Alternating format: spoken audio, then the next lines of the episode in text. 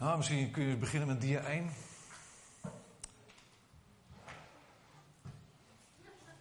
Ai, ai, ai, ai, ja, dank u voor het compliment. Inderdaad, inderdaad. Het enige verschil is dat ik toen wat langer haar had, maar voor de rest zie je er niks van. Hè? 38 jaar geleden. Wat een schatje? Ja, die, die rechtse, hè? Wat een schatje. U moet ook niet denken dat wij op onze trouwerij de Bee Gees hadden uitgenodigd. Een soort selfie met Greetje met uh, Robin Gibb of zo, of weet hij dat? Dat is lang geleden.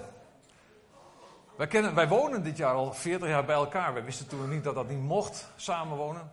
Maar we hebben dat wel gedaan. We kennen elkaar al zes weken, dus dat is al een hele tijd. En toen zijn we wel gaan samenwonen. En uiteindelijk is het er allemaal goed uitgepakt, schatje. Heerlijk, hè?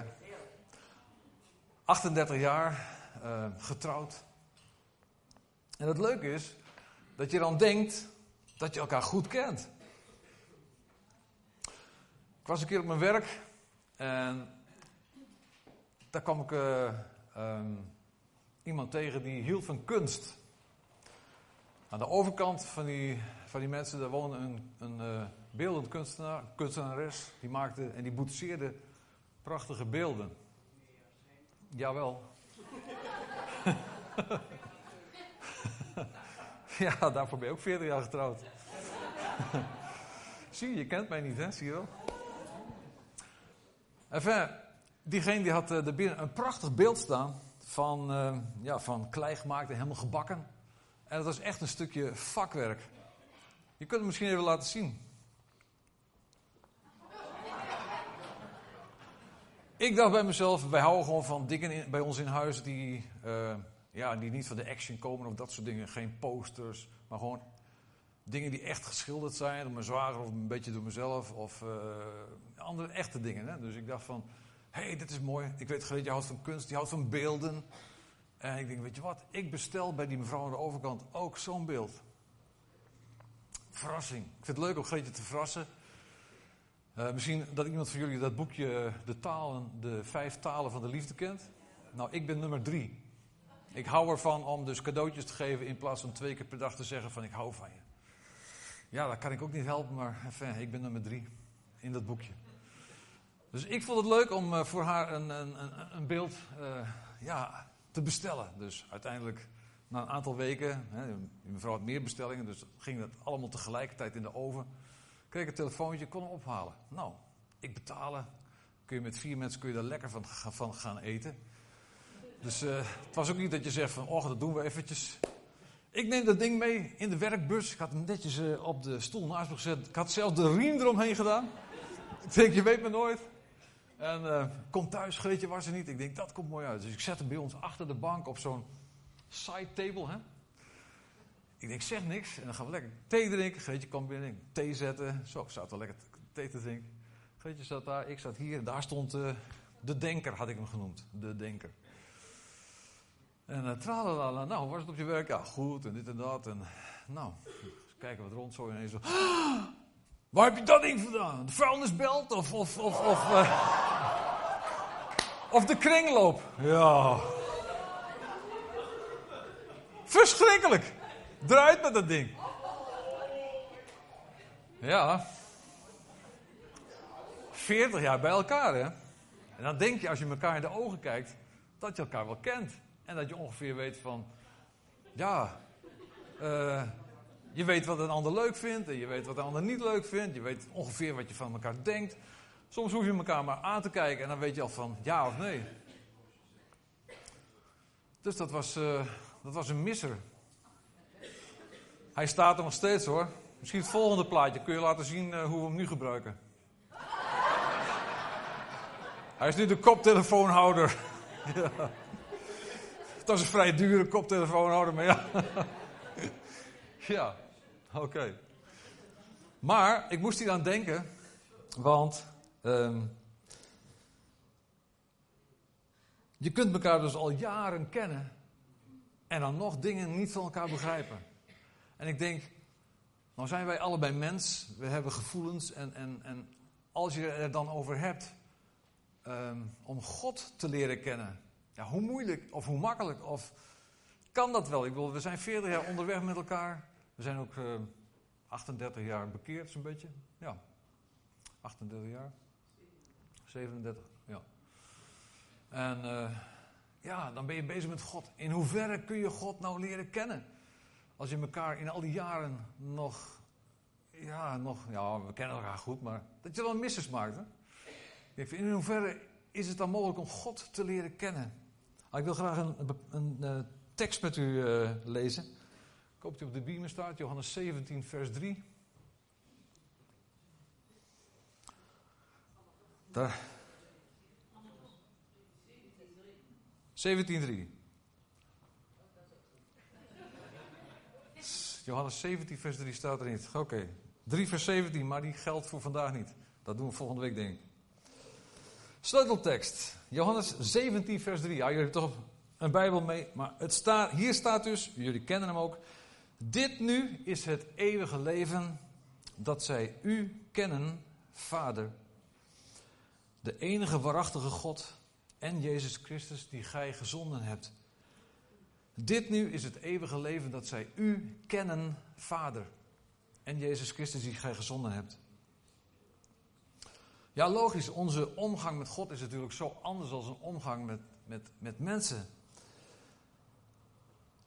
Omgang met mensen, je kunt iemand beetpakken, je kunt iemand in de ogen kijken. Uh, je kunt op een makkelijker manier communiceren. Je kunt zeggen van ik vind het fijn of ik vind het niet fijn. En met God is dat toch anders. U kent misschien allemaal ook wel mensen, die ken ik ook, die dan zeggen, ja, God zei dit en God zei dat en, en God heeft overal altijd een antwoord op. Maar zo ben ik niet. Ik, zo ver ben ik nog niet, laat ik het zo zeggen. En ik weet ook niet of dat wel zo op die manier werkt. En ik weet van, van, van mensen die hebben gestreden, die moesten 21 dagen wachten op een antwoord van God. 21 dagen moesten ze strijden. Daniel. De omgang met God is wel heel anders dan het omgang met mensen. En toch zegt de Heer Jezus hier in Johannes 17: Dit is het eeuwige leven dat zij u kennen, Vader.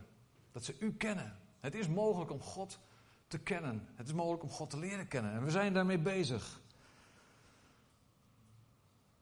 En God heeft zichzelf bepaalde namen gegeven. En in die namen heeft hij uh, iets gelegd van zijn wezen, van zijn karakter.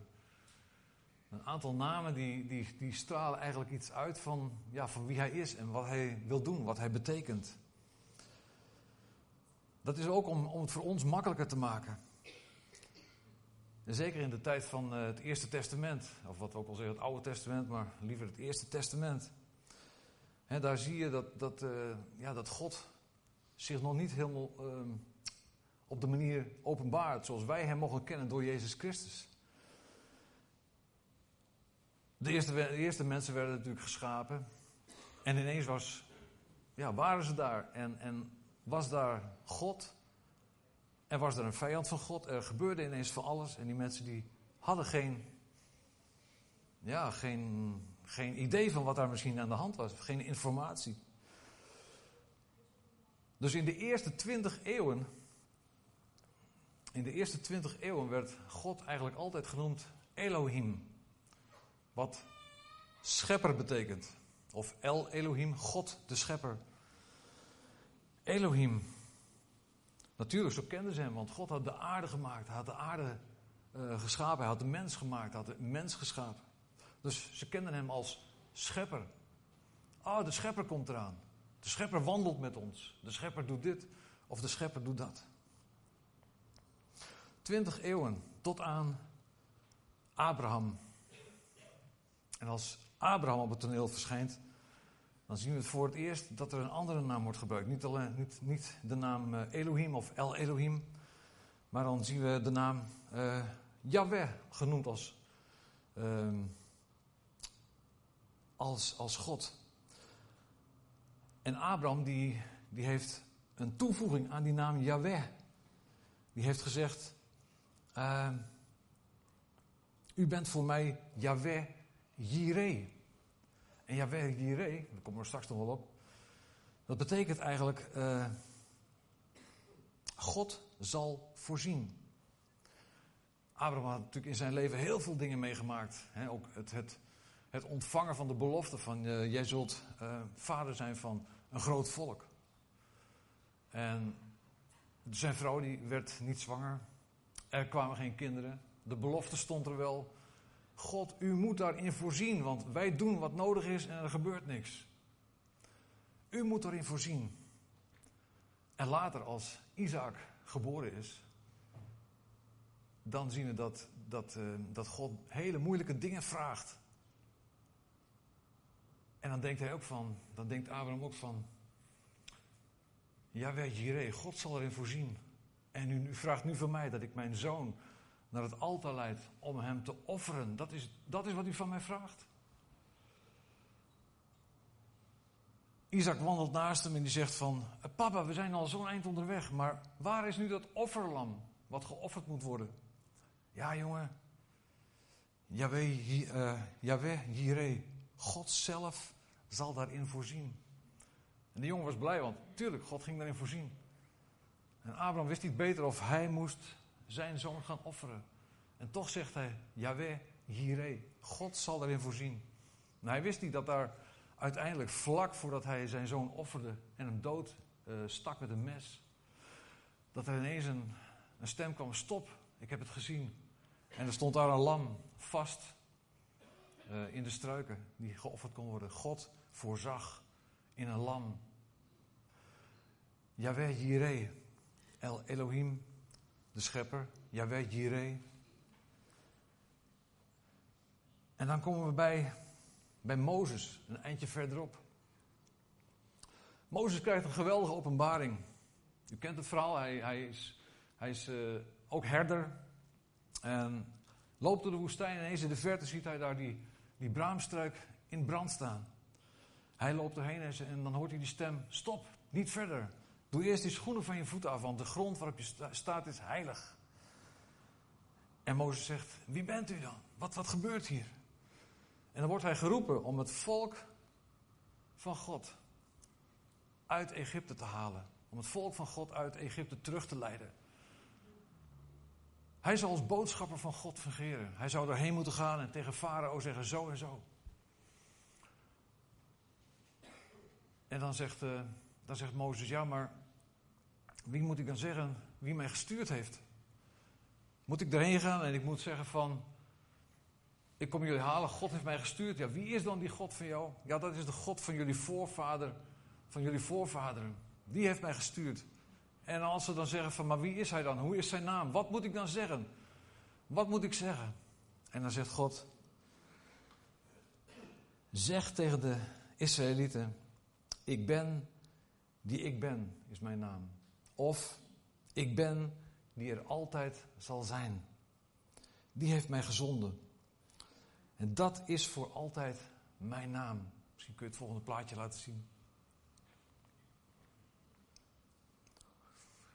Nee, daarvoor. Ja. Dit is de naam die Mozes ontving. Het zijn vier vier, uh, vier letters. Het, He het Hebreeuwse woord uh, met eigenlijk alleen maar medeklinkers. Het is bijna niet, niet uit te spreken als je er geen, geen klinkers tussen zet. En Mozes had ontvangen die naam van God. Eigenlijk is dit de voornaam van God, als je het zou moeten zeggen. Want God zegt ook: uh, in Exodus 3, vers 14: Dit is voor altijd mijn naam. Ik ben. Wij hebben er dan van gemaakt. Je, kunt, je zou kunnen zeggen: er zijn twee toevoegingen aan deze naam. Voor ons is het onuitsprekelijk. En dat was voor de Joden ook zo. Zij hadden er bepaalde klanken tussen gezet. En dat, was de, dat waren de juiste klanken. En voor ons, um, wij zeggen dan Yahweh.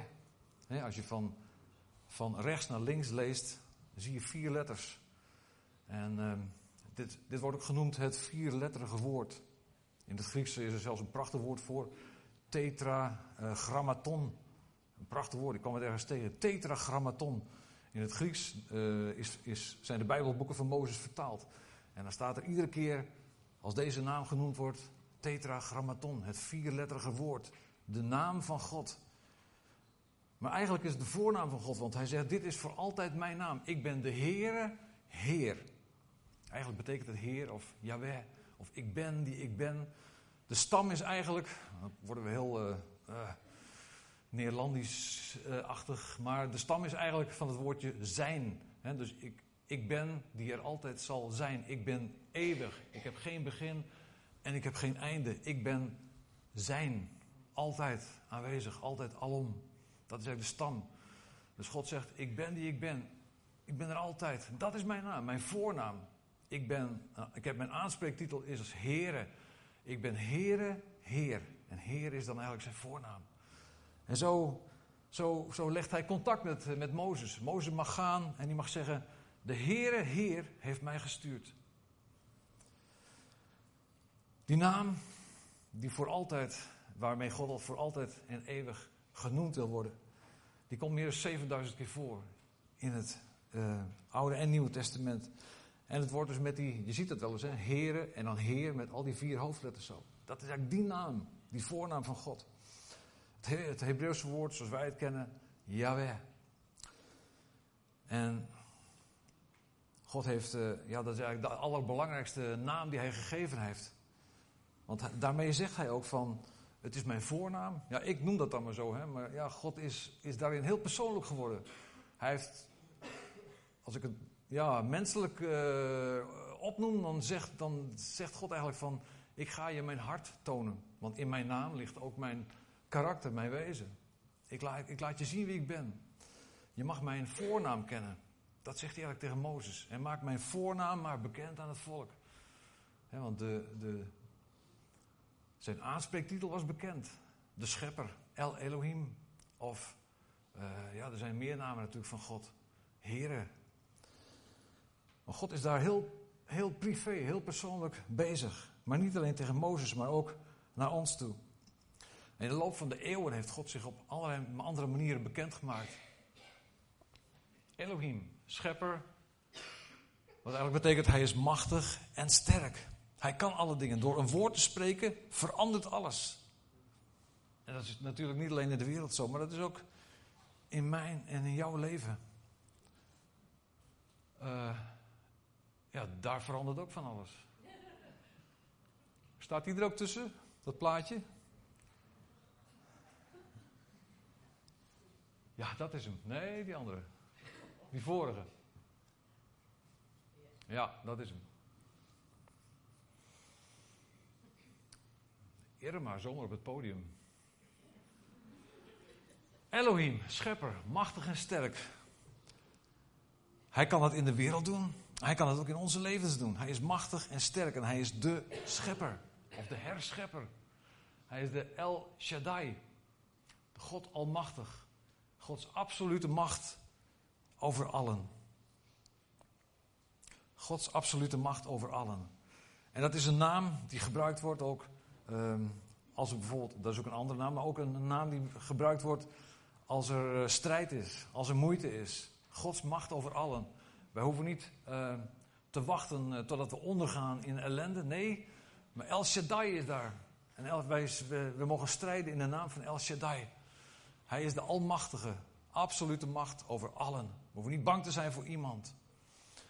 El Olam, dat is de eeuwige God. Hij is zonder begin en zonder einde. Al deze namen die laten iets zien van Gods wezen. Laten iets zien van zijn karakter.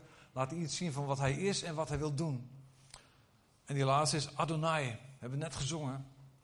Heer. En dat wordt gebruikt in plaats van dat andere naam met die vier woorden. Dat vierletterige woord. Adonai. Weet je hoe het komt? Dit woord Adonai, dat werd gebruikt. Een, uh, eeuwenlang is, het, is de voornaam van God gebruikt. Eeuwenlang is die, dat vierletterige woord van God gebruikt uh, door de priesters, door de, de rabbies, door de rabbijnen. Die naam werd goed uitgesproken. En op een gegeven moment um, is dat op een of andere manier, ik, ik heb dat geprobeerd na te, na te lezen, na te zoeken, is dat niet meer duidelijk geweest welke uh, tussenklanken er tussen die vier letters moeten zitten. En ze waren bang dat ze niet op de juiste manier de voornaam van God uitspraken. En weet u wat het is? Zij waren daar doodsbenauwd voor, want uh, Exodus 20 zegt, vers 7, misbruik de naam van uw Heere God niet. Want diegene die dat doet, zal niet vrij uitgaan. Dus vanaf dat moment dat niet meer duidelijk was hoe de naam precies uitgesproken moest worden, werd die naam ook niet meer uitgesproken. En in plaats van dat vierletterige woord werd dan de naam El Shaddai, uh, Adonai uitgesproken. Wat gewoon betekent Heer. Eigenlijk heel, heel triest dat de voornaam van God eigenlijk verdwijnt uit het geheel en er een, een vervanging voor gezocht moest worden. Maar God heeft nog meer namen. Even heel het korte doorheen. Nog eentje. Yahweh Jireh, die hebben we gehad. Hè? De Heere zal voorzien. We hebben gehad over Abraham. Die ook in uh, andere, ook in het ontvangen van de belofte van het kind. Uh, door God werd daarin voorzien. Yahweh Rafa, de Heer die geneest. Dan zegt God op een gegeven moment tegen eh, het volk: Als u doet wat ik u heden gebied en opleg, en gehoorzaam bent, dan zal geen van de ziektes die in Egypte waren over u komen. Want ik, de Heere, ben uw heelmeester. Ik, de Heere, Yahweh Rafa, ik ben uw heelmeester. Dat is ook een van de namen van God die hij ook aan ons toevertrouwt. Ik, de Heere, ben uw heelmeester. Ja, uh, Rohi. De Heere is de herder. David die schrijft daarover. Het, het ontbreekt ons aan niets. Hij voedt, hij wijdt, hij verzorgt, hij kent ons, hij weet wat we nodig hebben. Hij wil ons daarin leiden en, en zegenen, helpen. Yahweh Rohi, de Heere is de herder. God laat zijn naam zien. Yahweh Shalom, de Heer van de vrede. Misschien kent u het verhaal van Gideon. Er komt een engel bij Gideon en er is strijd in het land. En de vijand moet overwonnen worden. En er is maar niemand die daarin voorop gaat. En er komt een engel bij bij Gideon. Maar die, die, die, die ziet de bui hangen en die, die kruipt weg in een, in een groot uh, druivenvat. En dan de engel die komt bij hem en die zegt van, gij sterke held. God wil jou gebruiken om de vijand te overwinnen. En hij die zich zwakkeling voelde en hij die klein was en bang. Zegt op een gegeven moment, um, goed, dan ga ik het doen. Dan ga ik in de kracht van de, van de Heer ga ik de vijand overwinnen. En hij bouwt een altaar. En dat altaar, dat noemt hij dan Yahweh Shalom. Daar noemde uh, Gideon het altaar Yahweh Shalom. De Heere is mijn vrede. De zwakkeling werd sterk. Degene die niet durfde, die durfde het aan. Hij werd bemoedigd door de engel. Hij werd bemoedigd door God zelf. En toen zei hij van oké, ik heb vrede ontvangen. Ik ben niet meer bang. Ik weet, de Heer gaat, gaat met me. En hij overwon ook. Hij mocht voorgaan. Hij werd richter van het volk en hij ging voor in de strijd. Yahweh Shalom. In al die namen van God die we genoemd hebben. Jireh, Rafa, Rohi, Shalom. Toevoegingen aan het vierletterige voornaamwoord van God. Daarin wil God tegen ons zeggen uh, dat Hij bij ons is. Dat Hij ons wil wijden, wil helpen, wil verzorgen. Dat Hij onze geneesheer wil zijn.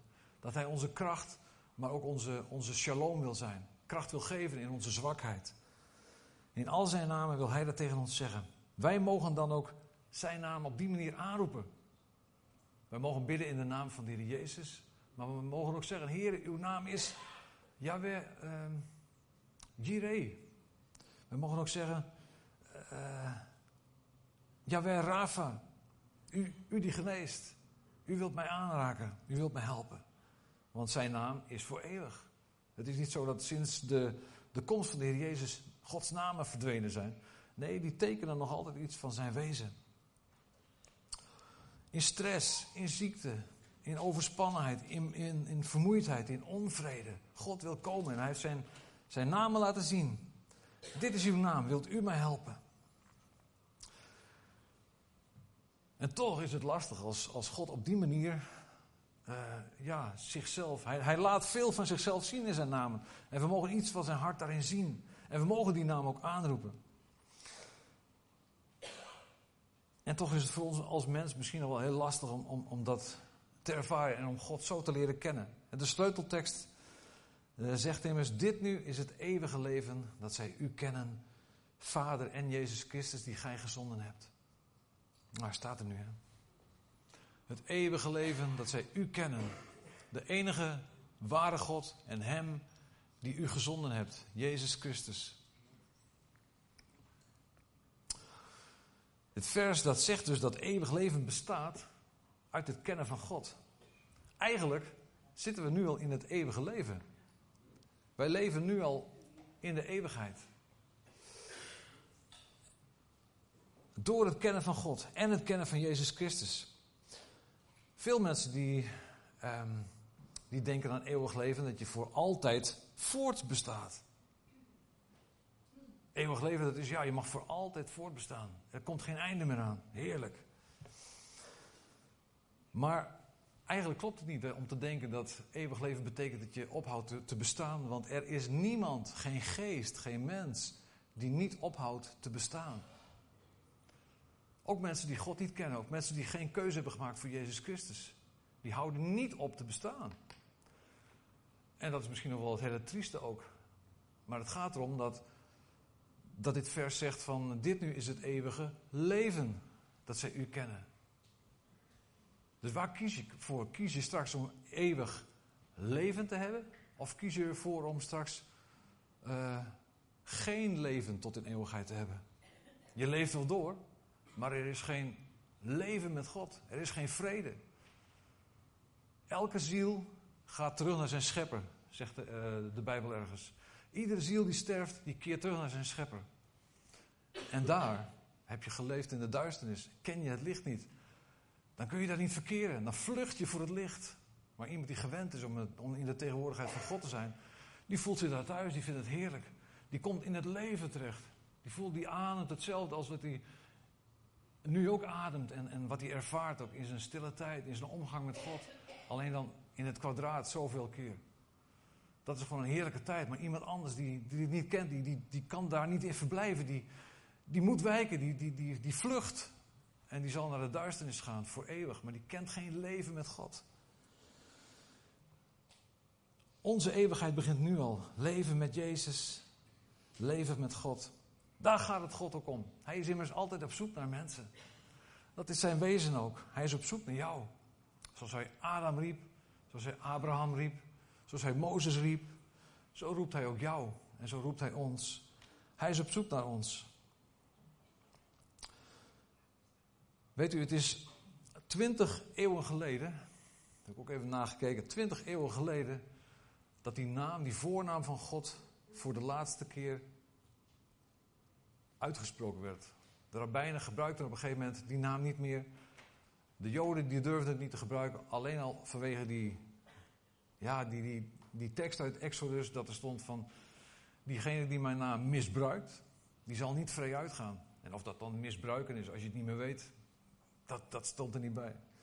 Maar vanaf dat moment, zeg maar rond, rondom het jaar nul, rondom de nieuwe jaartelling, de geboorte van Christus, werd die naam niet meer genoemd. Werd Gods voornaam, zijn persoonlijke naam, niet meer genoemd. En ik denk, wat is het dan bijzonder dat juist op dat moment dat die persoonlijke naam van God dreigt te verdwijnen uit de wereld, dat dan ineens Maria bezoek krijgt. En dan Maria, tegen Maria wordt gezegd van, uh, je zult een kind krijgen, je zult zwanger worden. De Heilige Geest zal je overschaduwen. En als het geboren wordt, dan zul je het de naam Jezus geven. En ineens was de persoonlijke God weer terug in de wereld. De naam van God verdween bijna. En op datzelfde moment was er een andere naam. Maar die naam die was al voor, voorzegd. Want God had gezegd, je zult hem de naam Yeshua, Jezus, geven. Wat betekent verlosser, redder. Dus opnieuw was er weer een, een, een was, was God weer in de wereld. Zijn naam werd weer genoemd. Dit was de zoon van God, maar met dezelfde. Hij was ook God. Hij was God samen met de Vader en de Heilige Geest. En hij kwam in de wereld en hij droeg die naam. En die naam die maakte opnieuw weer God bekend. Want u weet immers wat Jezus ook zei. Ehm, er is onder de hemel geen andere naam gegeven waarin wij verlossing hebben dan de naam van Jezus. De naam werd weer genoemd. De naam van Jezus die brengt God dichterbij. Uh, Jezus zei op een gegeven moment zelf tegen zijn discipelen, toen ze zeiden van, maar Heer, laat ons de Vader zien. Toen zei Jezus, wie mij gezien heeft, die heeft de Vader gezien. Wie mij gezien heeft, heeft de Vader gezien. Als je mij hoort spreken, hoor je de Vader spreken. Als je mij dingen ziet doen, zie je de Vader dingen doen.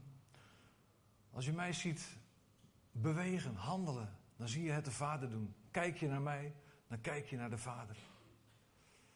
Jezus is het beeld van de onzichtbare God, schrijft Paulus ergens in een van de Bijbelboeken, in Colossense 1, vers 15.